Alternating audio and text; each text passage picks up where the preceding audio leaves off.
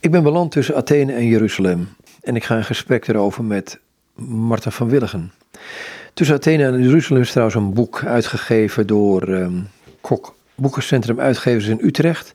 Het is uitgegeven in de serie van jaarboeken voor de geschiedenis van het Nederlands protestantisme na 1800. Het is jaargang 28 alweer. En dit boek gaat over het christelijk gymnasium tussen 1870 en 1970. Het is een boek wat onder redactie staat van G. van Klinken en Emma van Willigen, oftewel Marten van Willigen, die tegenover mij zit.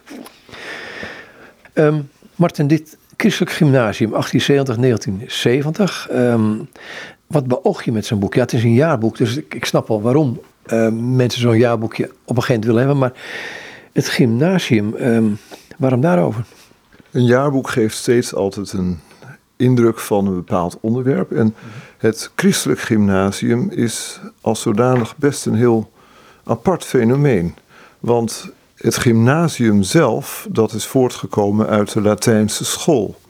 En die Latijnse school is weer eigenlijk voortgekomen uit de kloostercultuur. Dus eigenlijk zou je zeggen van, maar het gymnasium is er al. Waarom is er dan speciaal behoefte aan een christelijk gymnasium? En dat is eigenlijk de onderliggende vraag en ook de motivatie geweest om dit jaarboek te schrijven, omdat het christelijk gymnasium zo rond 1870 opkomt en ook vorm krijgt.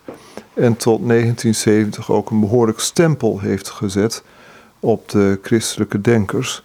En als zodanig dus heel belangrijk is geweest in de ontwikkeling van vele grote denkers in het christendom in Nederland.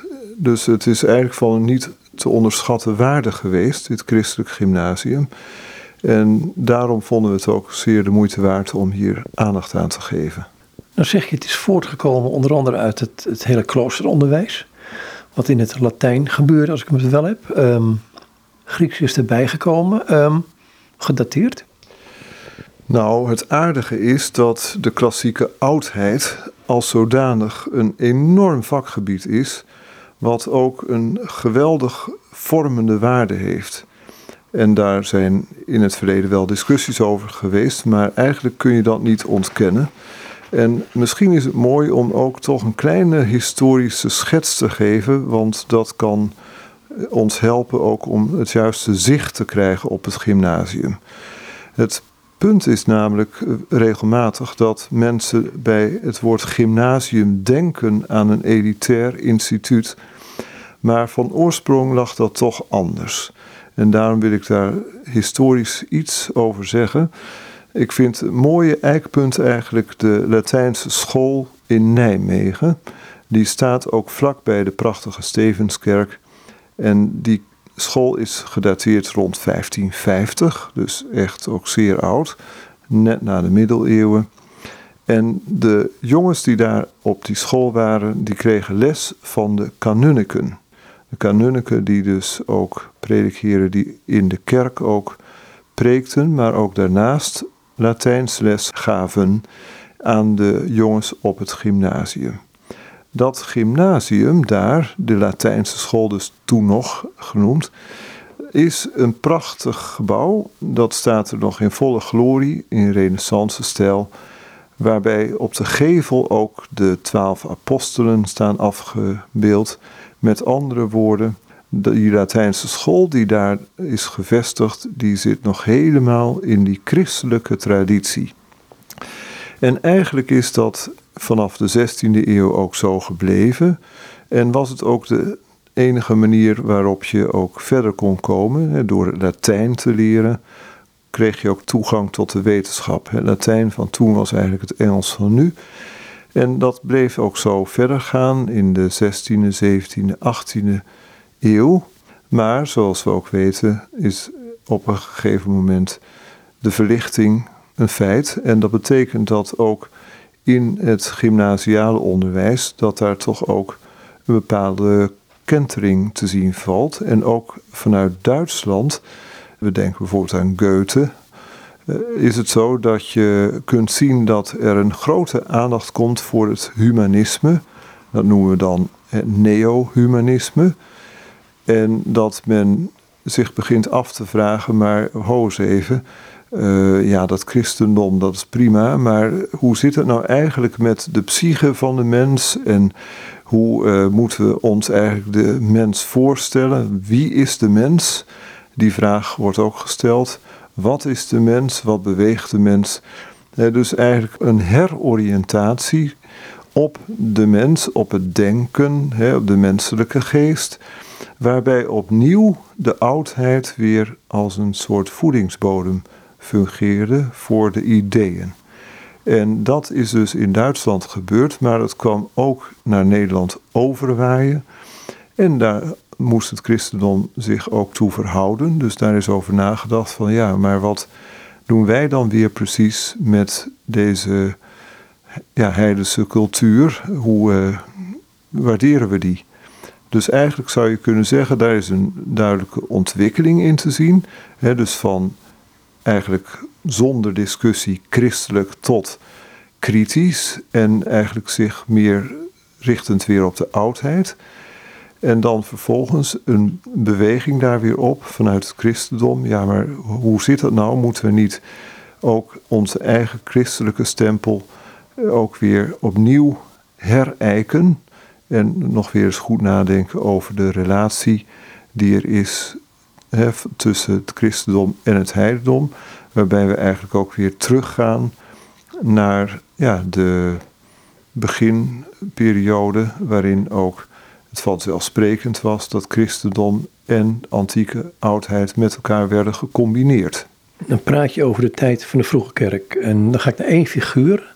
Ik kan er wel meer pakken. Ik kan Augustinus pakken, Tertullianus, die moesten er weinig van hebben. Maar Basilius de Grote ga ik naartoe. Want daar heeft ook Van Dam het nogal over. Ja, daar heeft Van Dam het zeker over, met de nodige waardering. En wat hij dan ook vooral naar voren haalt, is dat Basilius ervoor pleit om, net zoals bijen uit een bloem de honing halen, om dan op dezelfde manier uit de oudheid de honing op te halen. dus eigenlijk die oudheid te benutten uh, voor de eigen denkwereld, voor het, eigen, ja, voor het eigenlijke ontwikkelen van je denken. dus de oudheid zeker uh, serieus te nemen en die ook absoluut op waarde te schatten, maar die tegelijkertijd ook eh, ja, op een selectieve manier toch ook te bezien, zo zou je het kunnen samenvatten. Maar staat het Griekse denken dan tegenover het denken vanuit het christendom? Nou, daar zijn verschillende visies op, ook historisch gesproken. Je kunt eigenlijk ervan uitgaan, dat heeft Christine uh, Moorman sowieso natuurlijk ook wel gezegd, maar met name Cornelia de Vogel heeft zich daar nog weer verder op uh, gespecialiseerd. En die heeft ook dat heel goed wetenschappelijk bekeken. En die komt tot de conclusie dat in het vroege christendom dat er verschillende houdingen zijn. Er zijn dus inderdaad auteurs die het heidendom volledig afwijzen, ook in het vroege christendom hoor, maar ook auteurs die dat overnemen. En daartussen zijn verschillende gradaties te noemen. dus gedeeltelijk overnemen of helemaal overnemen, of slechts voor een klein deel overnemen. En Basilius zit in die tussengradatie, dus wel waarderend, maar ook wel weer met een zekere kritische distantie overnemend. Dus niet alles zomaar klakkeloos aannemend, maar toch ook met een zekere distinctie, zo gezegd. Maar vind je dan ook raakvlakken tussen het Griekse denken en, dan bedoel ik het Griekse denken in de oudheid, in de klassieke oudheid, van voor onze jaartelling. Uh, vind je daar raakvlakken die uiteindelijk ook richting Christus wijzen? Ja, dat is toch zeker het geval. En niet alleen Basilius uh, sprak erover, maar ook Roelof Jan Dam, die was daar ook heel erg van onder de indruk. Met name bijvoorbeeld de aansluiting tussen Plato en tussen het christendom. Want Plato ging ervan uit dat er een ideeënwereld was en dat eigenlijk achter alles wat je zag, dat er een bepaald idee was en dat al die ideeën die er waren, dat dat werd aangestuurd door een idee dat daarboven zat, of eigenlijk een aansturend principe, wat logos werd genoemd. Dus logos, het Griekse woord, betekent niet alleen woord, maar het kan ook, net zoals het Latijnse ratio, een principe zijn dat aanstuurt. En zo werd het eigenlijk gezien. En nu is het zo dat in het Evangelie van Johannes, dat daar bij de komst van Christus, waar we ook van weten dat hij het woord wordt genoemd, het woord van God, dat daar ook heel duidelijk het evangelie begint met in het begin was het woord, het woord was bij God.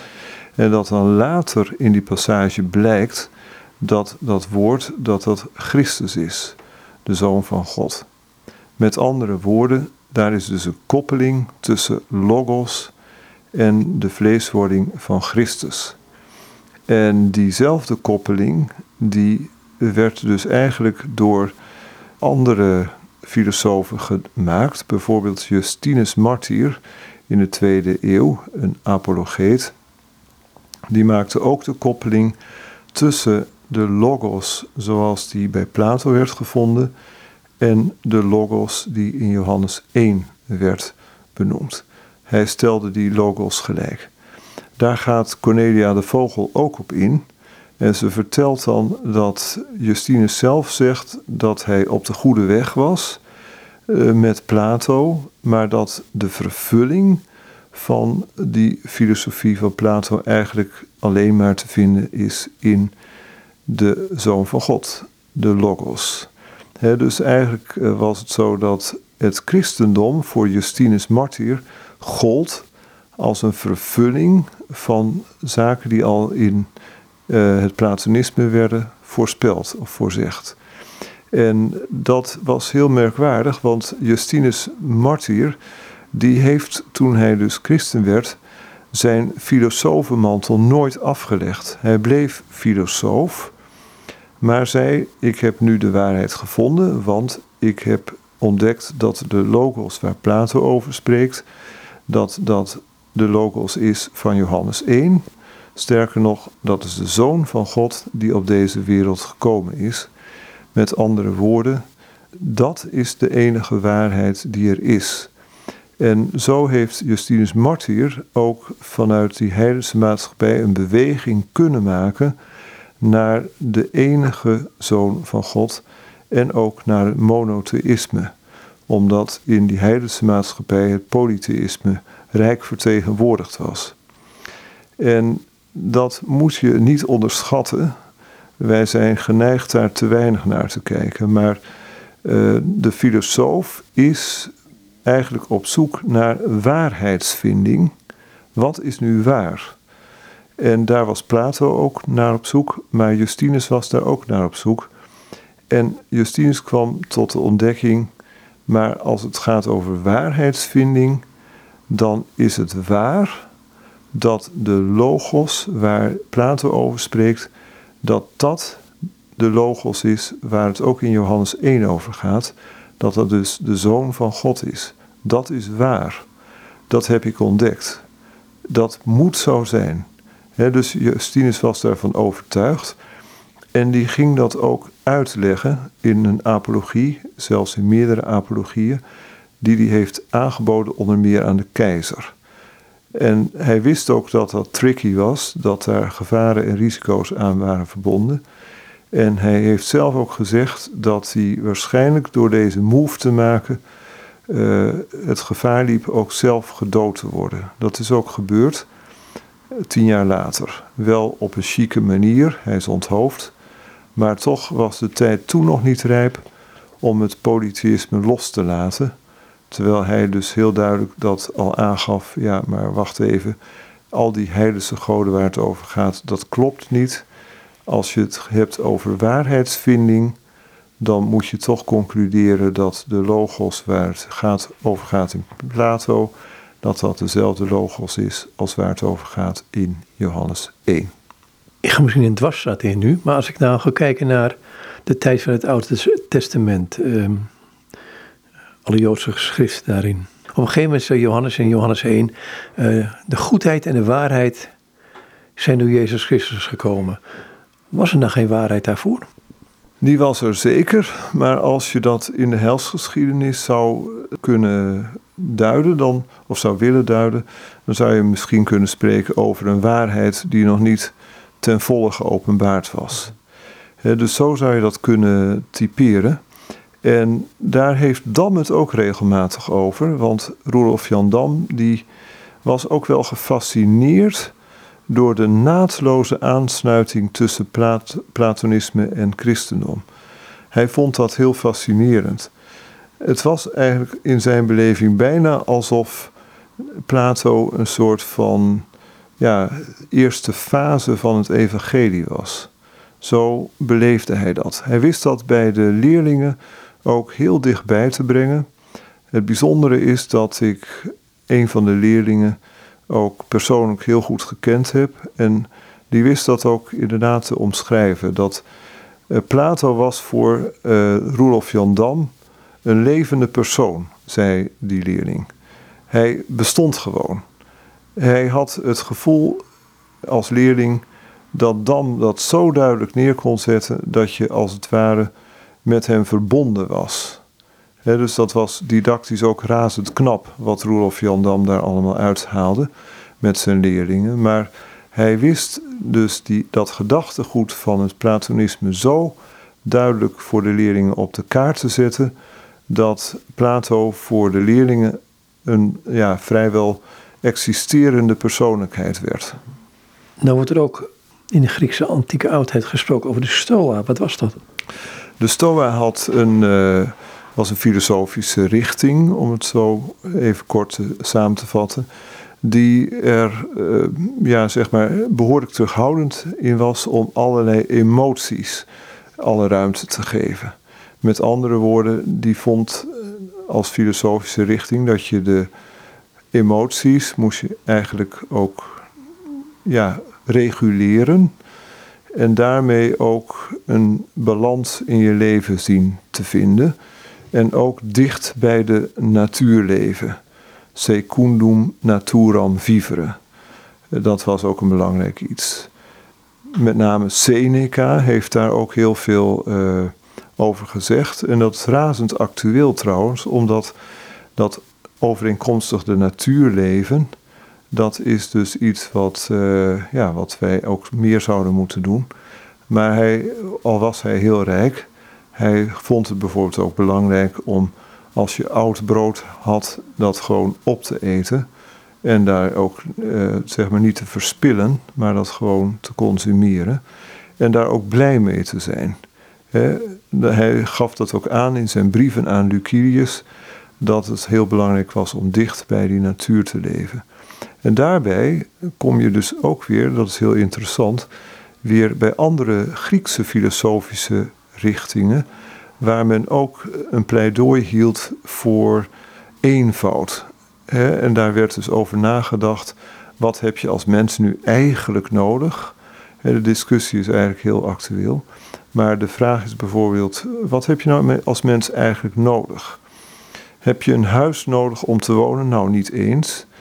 En zo kon Diogenes in Athene kon gewoon leven in een soort van ton, waar hij dus enige bescherming had tegen het zonlicht.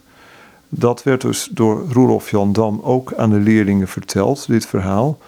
En dat kunnen we ook prachtig zien in, in uh, Keulen. Daar is een mozaïek gevonden, een filosofenmozaïek uit de Griekse oudheid, waarin in het midden Diogenes in de ton is. En waarom is dat? Omdat Diogenes namelijk helemaal niets nodig had. Want toen Alexander de Grote bij hem kwam in die ton en aan hem vroeg, nou Diogenes, hij vond het eigenlijk maar een arme sloeber en een stumper, wat kan ik voor je doen? Op dat moment had Diogenes dus ongelooflijk veel kunnen vragen. Maar de enige vraag die hij stelde zei, was deze: ja, uh, Alexander of Sire, wilt u even uit mijn zonlicht gaan? Dat was zijn vraag. En daarmee, met die benadering, liet men dus ook zien van ja, maar als filosoof of als mens is dat bezit dus helemaal niet belangrijk. Zelfs een huis is niet belangrijk. Maar het gaat er meer om hoe je dus in het leven staat. Een andere filosofische richting die had ook als ideaal: het enige wat je nodig hebt is een stok eh, om op te leunen en een beker. Daar kun je dan ook water mee scheppen als je ergens komt waar water is. En voor de rest kun je van de natuur leven. De filosoof die dus zich op die manier voortbewoog, uh, was bezig. Maar toen zag hij een kind dat gewoon van het water dronk. En gooide hij zijn beker weg, want ook die was nog overbodig. Alleen zijn stok was voldoende, meer was niet nodig.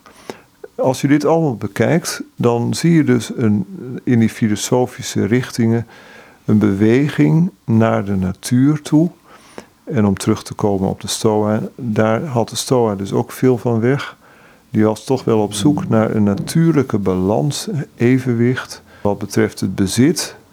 Seneca had daar zelf natuurlijk ook mee te maken als multimiljardair. Ja, dat maakte hem niet gelukkig. Dat zei hij ook. Geld maakt niet gelukkig. Maar wat maakt een mens dan wel gelukkig? Dus die vraag was zeker heel actueel.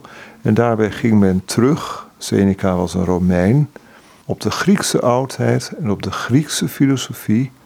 Om daar toch vaste grond onder de voeten te krijgen. Omdat de Grieken daar wel degelijk over hadden nagedacht.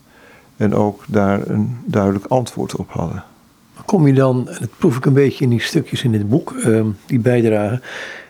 Zit er dan een verschil tussen Stoa en christendom, om het zo te zeggen, die Griekse filosofie waar de mens meer centraal staat, terwijl in het christendom God centraal staat? Nou, dat is een levensgroot verschil, vind ik zelf.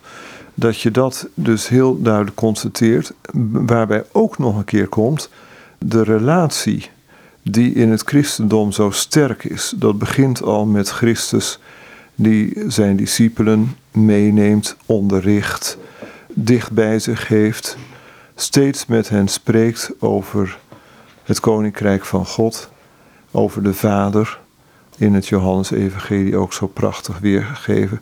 Dus de relatie in het christendom, dat maakt voor mij wel het grote verschil met de klassieke oudheid. Ook al is er natuurlijk in de oudheid ook absoluut veel sprake van relatie, maar toch de speciale relatie tussen God en tussen zijn schepsel, dat vind je in het christendom heel sterk. En ook dat God zich werkelijk om zijn schepsel ja, bezorgd maakt. Hè? Dat hij zijn schepsel wil redden. Dat hij erop gericht is om die mensheid weer terug te brengen in het paradijs. Een van de bijdragen in het boek is van Rob Nijhoff. En dan gaat het over Jan Woltjer, over klassieke vorming, waardering en kritiek. En er is een citaat boven het hoofdstuk en het gaat als volgt. Uh, het is beter met God te leven en zijn woord niet te kennen dan omgekeerd. Ja, dat is een prikkelend citaat. Dat kun je stellen, ja. ja. Dat geeft natuurlijk wel ook aan waar het anker uitgeworpen moet worden. En daarom vind ik dat citaat ook ja, best wel richtinggevend, als ik het zo mag zeggen. Wat beoogde zij met dit christelijk gymnasium? Want ik kan me voorstellen dat je op een gegeven moment dat het bijna werd gezien als een soort afzetten tegen de tijdgeest, de geest van de tijd. Ja, men beoogde met dit eh, christelijk gymnasium toch wel een, een duidelijke verbinding te maken tussen de oudheid en het christendom.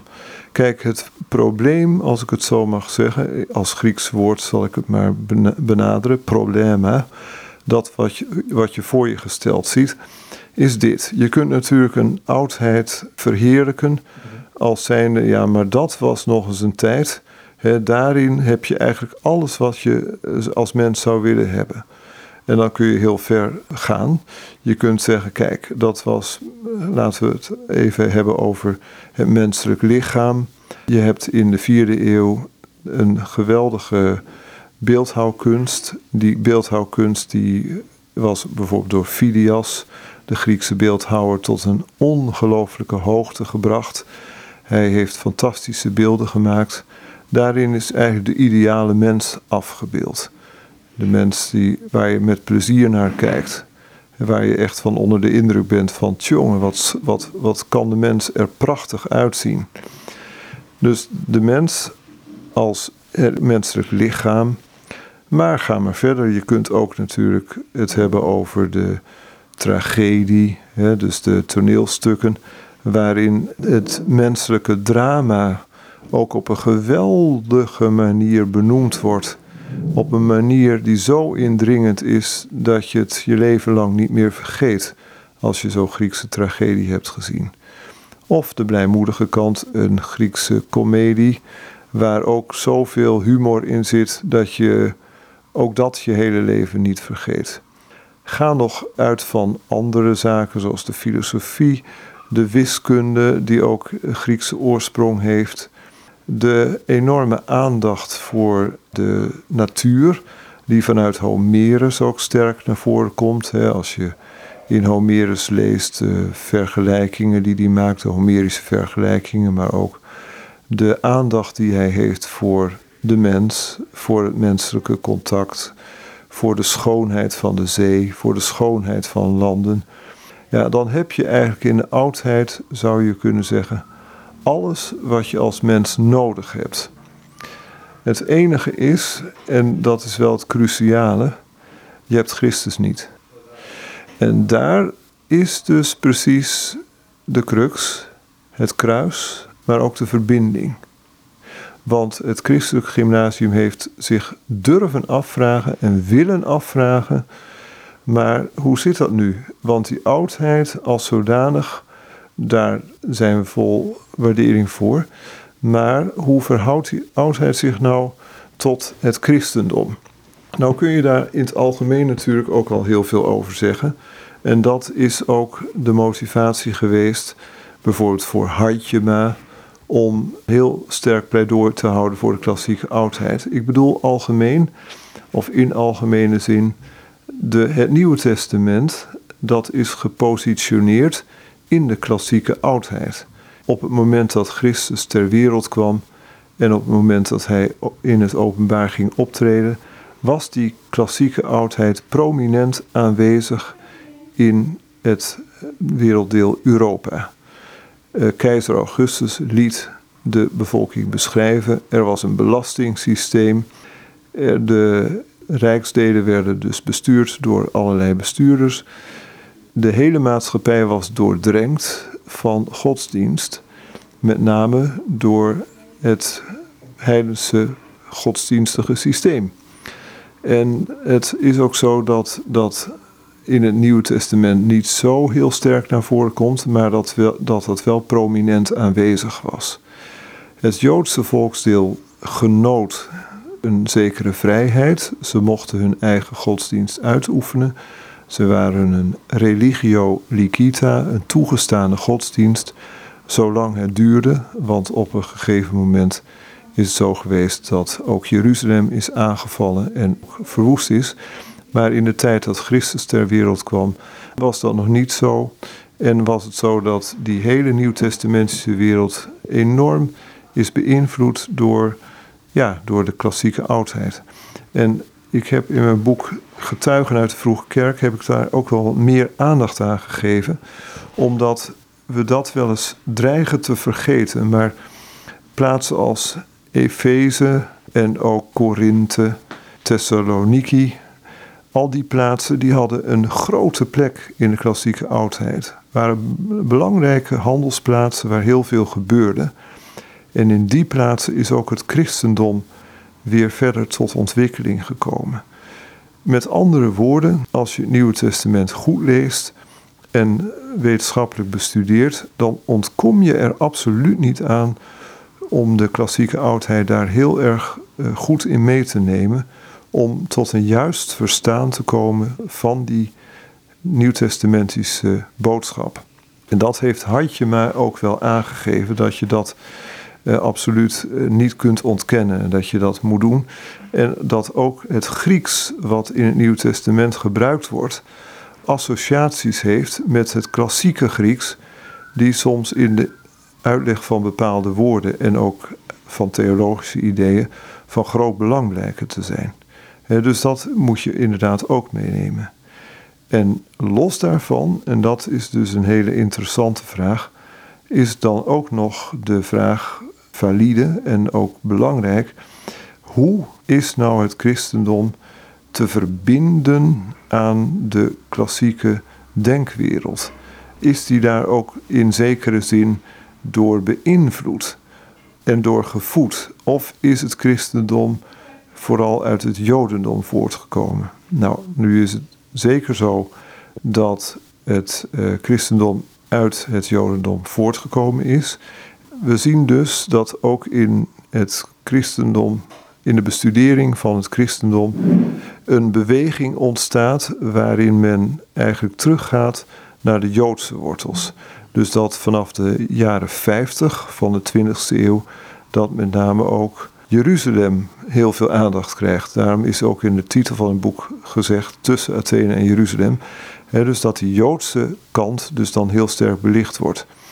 Maar dat laat onverlet dat de vraag hoe verhoudt nou het christendom zich tot de Griekse filosofie, dat die vraag heel belangrijk blijft. En dat hij dus daarom ook in het christelijk gymnasium veel aandacht heeft gekregen. Je kunt niet zeggen van nou, het is dus een uh, zomaar uit niets geboren, het christendom. het is uh, ja, vooral een Joodse aangelegenheid.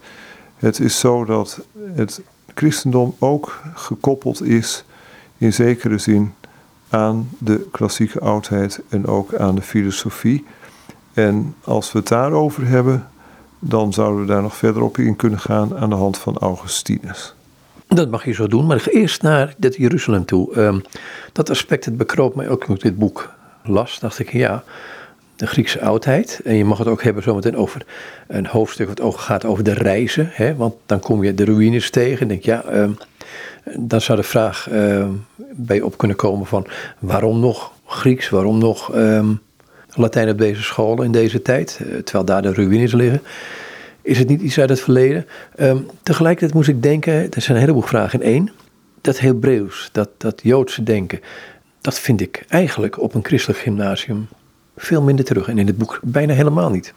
Dat heeft ermee te maken dat inderdaad dat Joodse denken ook weer een wereld op zich is. Dat wil zeggen dat het Joodse denken zoals dat in de synagoge te horen, te beluisteren is, dat is dus weer een, eigenlijk een eigen wereld, een verdere ontwikkeling van het Jodendom zoals het vroeger was. En daar heeft het gymnasium zich niet zo direct op gefocust. Trouwens, de Latijnse school ook niet. En ook het uh, gewone gymnasium heeft zich daar nooit zo op gericht. Met andere woorden, dat is dus eigenlijk, als je het oppervlakkig bekijkt, dan een heel groot gedeelte van de Bijbel waar geen koppeling mee is gemaakt vanuit het gymnasium. Maar vanuit de filosofie, waarin ook de grootheid van de schepping eigenlijk duidelijk naar voren komt. De Griekse filosofen waren daar heel erg van onder de indruk van de grootheid van de schepping. Dat vanuit die grootheid van de schepping is het zo dat de filosofische ideeën daarvan, daarover, dat die weer heel sterk overeenkomen met de grootheid van de schepping zoals die bezongen wordt in de psalmen in het Oude Testament. Dat dat eigenlijk naadloos aansluit bij elkaar. Dat vind ik heel opmerkelijk.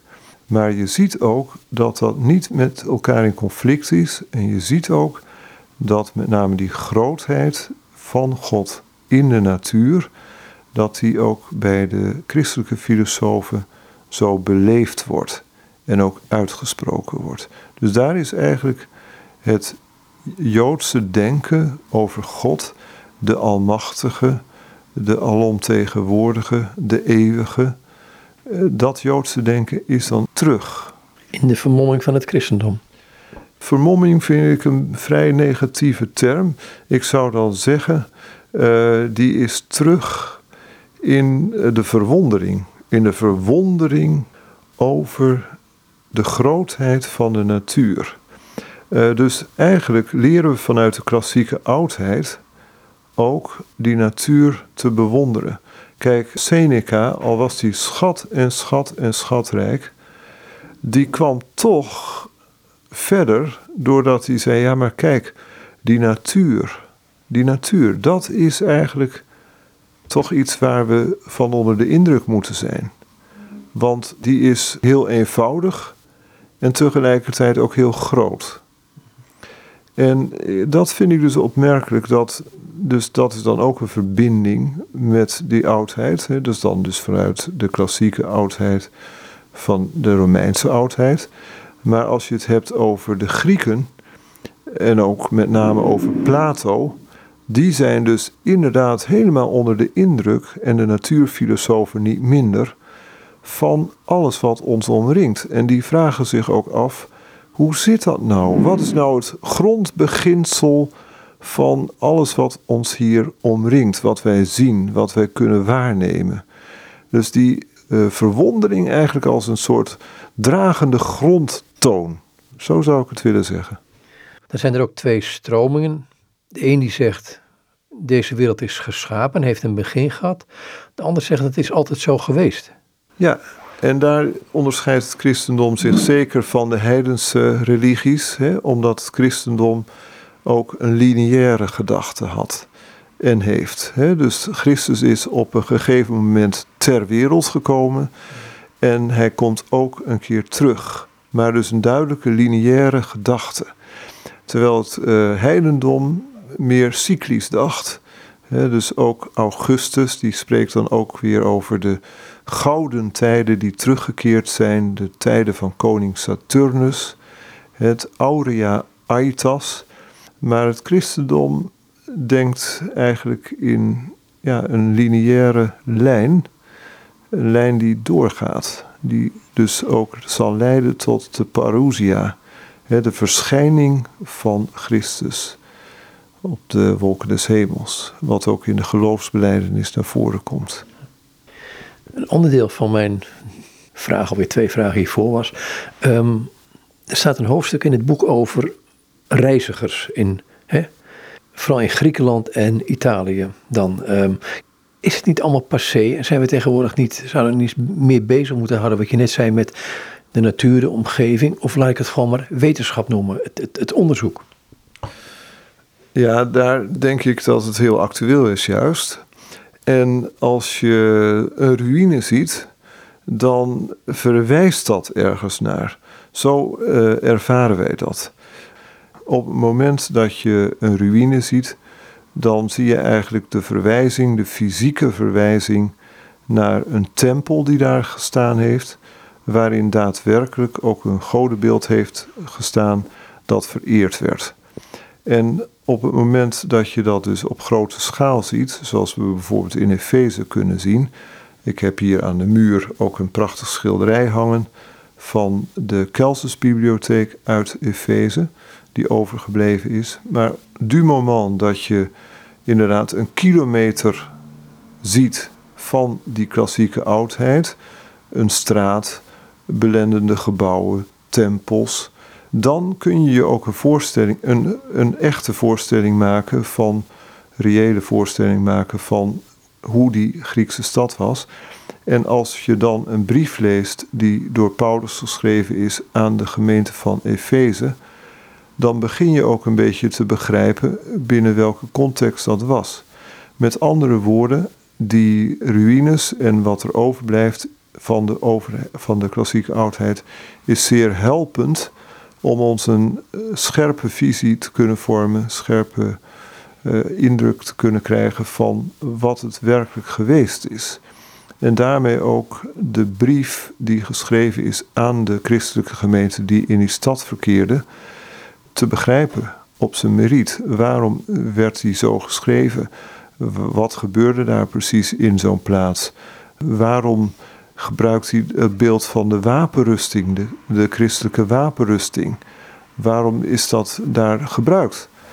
dus dat zijn vragen die actueel zijn, maar daardoor is die klassieke oudheid eigenlijk onmisbaar voor een scherpe beeldvorming van die periode. Maar we leven nu anno 2021 ehm, en dan gaan stemmen op, ja, dat hele Griekse Latijn. Waarom nog? Is dat een stuk kortzichtigheid richting de geschiedenis? Ja, ik denk dat je dat zeker kortzichtigheid kunt noemen, omdat het meeste valt te leren van de verschillen die er zijn. Die verschillen te benoemen, te inventariseren en daardoor ook misschien wel wat te leren uit die oudheid, wat voor de tijd van vandaag heel waardevol is. Met andere woorden, als je met de klassieke oudheid aan de slag gaat, op wat voor manier dan ook, dan leer je altijd van die oudheid doordat je dus gaat vergelijken van hoe deden ze dat toen en hoe staan wij daar nu in. En dan valt er dus echt heel veel van die klassieke oudheid te leren. We hadden het al over de waardering voor de natuur, waar Seneca ook dus heel veel waardering voor had. Op een andere plaats schrijft hij bijvoorbeeld, dat vind ik ook altijd heel mooi, dat de dieren eigenlijk maar zo ongelooflijk weinig nodig hebben om in gezonde doen te zijn, in gezonde toestand te verkeren.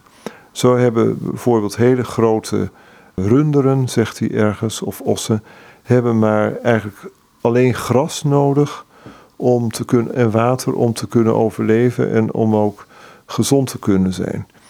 En dat beeld pakt hij dan weer mee voor de mensheid. Van ja, wat hebben wij dan nodig als mens? Eigenlijk hebben we maar heel weinig nodig.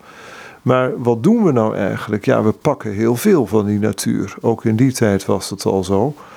En dat we veel van die natuur pakken, is eigenlijk ontzettend fout. Dat geeft hij dan ook aan.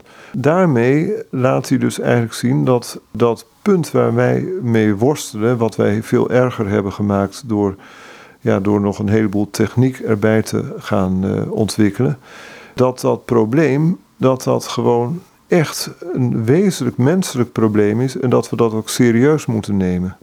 Maar goed, als naar deze tijd gekeken, je hebt het al een woordje techniek. Um, ik weet, um, en misschien dwaal ik nu iets af, maar C.S. Lewis maakt het onderscheid tussen enerzijds geloof, dus het zoeken, je uitstrekken naar een hogere macht, God wetenschap als het onderzoeken van datgene wat wij, hè, de materie om ons heen, zelfs het onzichtbare wat wij niet kunnen zien, eh, tot en met nanodeeltjes toe, noem het maar op. En dan zegt hij aan de andere kant van de schutting staat eh, magie, oftewel God voor ons karretje spannen en techniek. Dus die, die twee kanten. Um, de ene kant de magie, God voor je karretje spannen, maar ook techniek wat zo overheersend kan worden, dat wij ons daarin ondergeschikt maken, dat de mens daarin ondergeschikt gemaakt wordt. Vind je dat terug in die, die, die, in die, die oudheid? Of is dit een volkomen nieuw probleem? Um, het is als techniek misschien wel een nieuw probleem, maar die andere uh, dieperliggende vraag, dat je dus onderworpen raakt, eigenlijk slaaf wordt van iets, dat is in de oudheid wel benoemd. Maar dan met andere zaken. Maar dat wordt dus wel als, inderdaad in de filosofie, als een uh, zaak genoemd waar je dus ontzettend voor moet uitkijken. Waar je eigenlijk verre van moet blijven. dus dat wordt ook verhelderd in filosofische gedachten en ook uh, discussies, ook door Plato wel. op het moment dat je slaaf wordt van iets, ja, dan ben je verkeerd bezig. Er is trouwens wat dat betreft een mooi voorbeeld van een filosoof die ook een jonge filosoof wilde opleiden. En die jonge filosoof, nou, die had er erg veel zin in om filosoof te worden. Dus die zei, mag ik filosoof bij u worden? Ja hoor, dat is goed. Kom zeg maar morgenmiddag maar om 12 uur op de markt. Dan mag jij bij mij filosoof leerling worden. En toen kreeg die jonge aspirant filosoof een rotte vis in zijn handen geduwd. Hij zei, die is voor jou, hou me even vast. En loop je even achter mij, loop je even met me mee. Vervolgens liep dus die uh, aspirant-filosoof met de filosoof mee. Maar die filosoof die besteedde nauwelijks aandacht aan zijn leerling. Hij was met allerlei mensen in gesprek. En het enige wat hij had gevraagd was dat die aspirant-filosoof achter hem aan zou lopen. Nadat ze ongeveer een kilometer hadden gelopen, die filosoof-aspirant had dus die stinkende vis steeds in zijn handen was hij er helemaal klaar mee. Dus hij gooide met een nijdige worp gooide die de rotte vis weg. En uh, baalde er verschrikkelijk van dat dit nu zijn filosofenopleiding was. Waarop de filosoof uh, quasi nonchalant zich omdraaide en zei: Oh, hm, kennelijk vond je dus die vis belangrijker dan mijn persoon. En daarmee maakt hij dus ook duidelijk dat, ja, dat mensen toch wel heel vaak onderworpen zijn aan wat ze zelf belangrijk vinden. En dat ze dus eigenlijk moeite hebben om daarvan los te komen, om dat te kunnen relativeren. Nou, dit is een eenvoudig voorbeeld, maar als je het hebt over de techniek, ik ben nu misschien vreselijk scherp, maar stel je voor dat we vandaag eh, de opdracht kregen om onze auto naar de garage te brengen en daar niet meer op te halen. Dat we vanaf nu fietsend en lopend door het leven gaan, of met openbaar vervoer. Dan zou dat voor vele mensen toch wel een ontzettende ja, aderlating zijn. Dat is de rotte vis. Um, er is nog een ander aspect wat, wat ook uh, in die, dat Griekse denken ervoor komt, sterk, is het ken u zelf. Uh, daar wil ik eigenlijk een beetje tot besluit. Oh, misschien we nog een even bij Augustinus terechtkomen zometeen, maar goed, dat zien we wel. Uh, dat ken u zelf. dus heel sterk mensgericht, centraal, individualistisch. Um, hoe verhoudt dat zich naar het christendom? Want dat kent het individu ook, maar ook de massa. Ja, dat ken u zelf. Dat is ook een hele diepe opdracht. Omdat daarmee natuurlijk ook de ja, minder goede kanten van een mens eh, boven water komen. Kijk, een mens heeft sterke en zwakke kanten. Zo kun je dat bij iedere mens denk ik wel zeggen. En als je jezelf kent, ken je niet alleen je sterke kanten, maar ook je zwakke kanten. En is het ook zo dat je daar je toe moet verhouden, dat je daar rekening mee moet houden. En dat je eigenlijk ook in het contact met anderen, dat je ook toch altijd wel daarover nadenkt. Van ja, ik tendeer nu dit of dat te doen. Maar goed, ik ken mezelf een beetje, dus ik weet ook dat ik dat mee moet nemen in mijn contact met die ander. dus een zekere zelfkritische distantie die je ook hebt. Ook om ja, op een goede manier je tot anderen te verhouden. Dus dat is wel belangrijk. Maar ik denk dat daarmee wel een ongelooflijk groot verschil is uh, aan te geven met het christendom. Dat eigenlijk in het christendom toch wel heel dat het radicaler is. Dat dat kennen van jezelf ook betekent dat je tot de conclusie komt dat je behoorlijk op jezelf gericht bent. Dat je eigenlijk, als het op, aan jou zou liggen, volledig individualistisch bent. En ja, liefste maar gewoon ja, alles naar je toe zou willen halen. We mogen dat natuurlijk niet zeggen, maar misschien is het in onze maatschappij bijna zo dat we allemaal dreigen te ontwikkelen tot een soort van gepolitoerde narcisten. Dat iedereen, ja, nee, maar de zus en zo. En uh, ja, het wordt allemaal prachtig verpakt. Maar waar is nou de liefde voor de medemens of de bewogenheid met de medemens? waar is zelfverloochening? Omdat je namelijk weet dat Christus zichzelf ten volle heeft verlogend door A. mens te worden, B. ook te lijden voor die mensheid. alles te doen, goed te doen wat wij hebben fout gedaan. Ja, ik denk dat daar eigenlijk het geheim zit tussen het, het verschil ook, het grote verschil tussen het heidendom en het christendom. Dat het heidendom in principe natuurlijk ja, ook wel tot op zekere hoogte zelfkritisch is. En ook daar absoluut wel ook goede dingen in doet. Maar dat het christendom radicaler is, maar daardoor ook tot bevrijding komt. En tot de verlossing die door Christus mogelijk gemaakt is. Dat is het grote verschil. Is er dan een doorgaande beweging tussen de antieke oudheid en het christendom? Of zoals ook tussen het jodendom en het christendom is? En misschien moet je daar, je noemde dat eerder in het gesprek, die figuur van Augustinus bijhalen. Ja, Augustinus heeft uh, daar zeker ook over nagedacht. Maar die komt toch wel tot de conclusie dat de heidense religies en dat ook de heidense voorbereiding als het ware een soort van ja, je zou kunnen zeggen, een soort van bewustmaking opgeleverd heeft.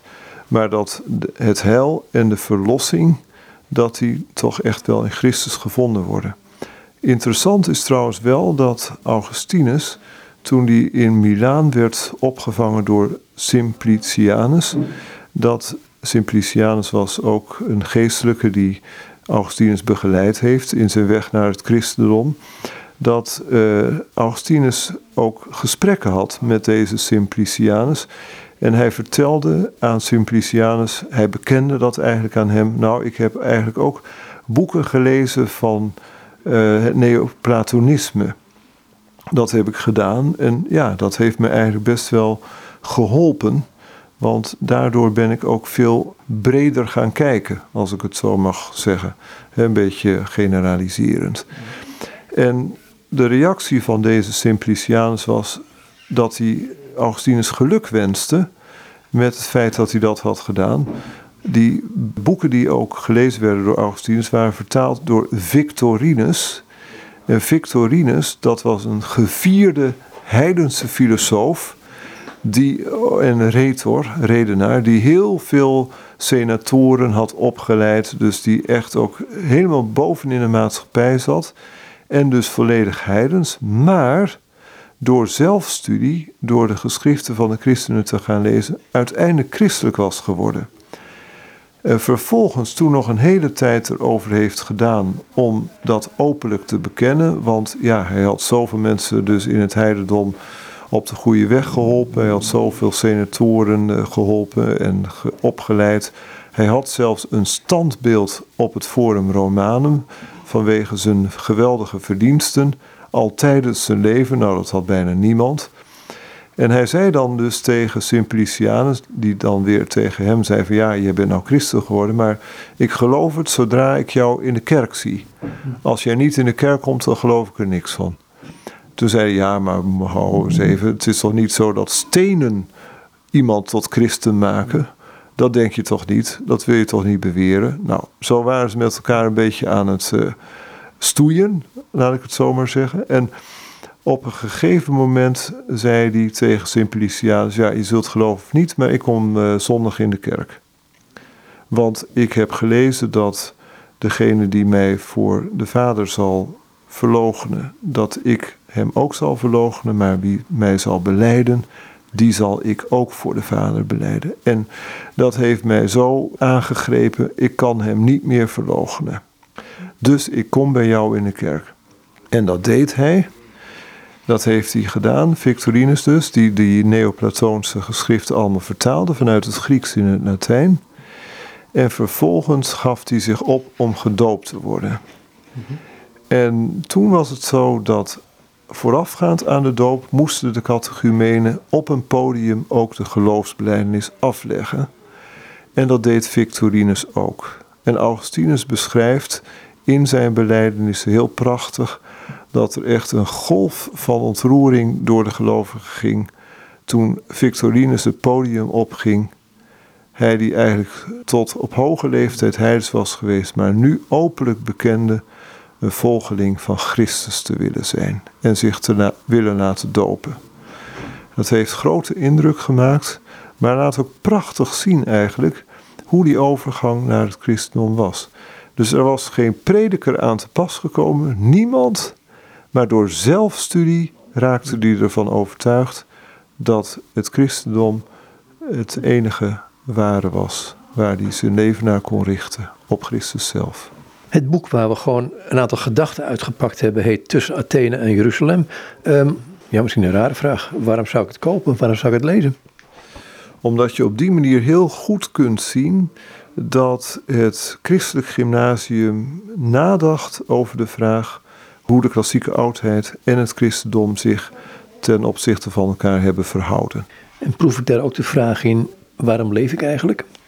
Dat proef je zeker. En ook de vraag waarom het christendom het waard is om beleden te worden. Maar met name dan natuurlijk de vraag waarom is het zo dat we Christus beleiden als de Zoon van God en als God zelf. En zoals hij zichzelf noemt, de waarheid. De weg, de waarheid en het leven. En dan roept Pilatus, een Romein, wat is waarheid? Voor hem was het niet duidelijk, maar Christus maakt zichzelf wel duidelijk. Maar zit daar niet een essentieel verschil tussen ideeën, filosofieën en de persoon zelf? Dat is absoluut zo. Hè? Dus je ziet dat Pilatus er eigenlijk mee zit. Hij weet niet goed wat hij ermee aan moet. Ik, ik moet denken aan een citaat van Jacques Ellul. Die zei, op een gegeven moment kwam de menigte naar Christus toe. En, Christus wat met- was met ontferming bewogen. En hij zegt dan, Jacques Ellul, ik citeer in mijn eigen woorden nu, parafraseer eigenlijk. Een doel van de menigte was om Christus te ontmoeten. Dat is het enige doel was dat. Ja, dat vind ik heel mooi gezegd. Want als je Christus ziet, dan gebeurt er wat met je. En als we hem gaan zien en ook gaan bewonderen in het geloof, ja, dan gebeurt er wat met je. Ik wou het hier belaten, dankjewel. Graag gedaan. En dit zijn Marten van Willigen. En hij eh, dit de redactie samen met Bert van Klinken voor het boek Tussen Athene en Jeruzalem. En dan gaat het over het christelijk gymnasium van 1870 tot 1970.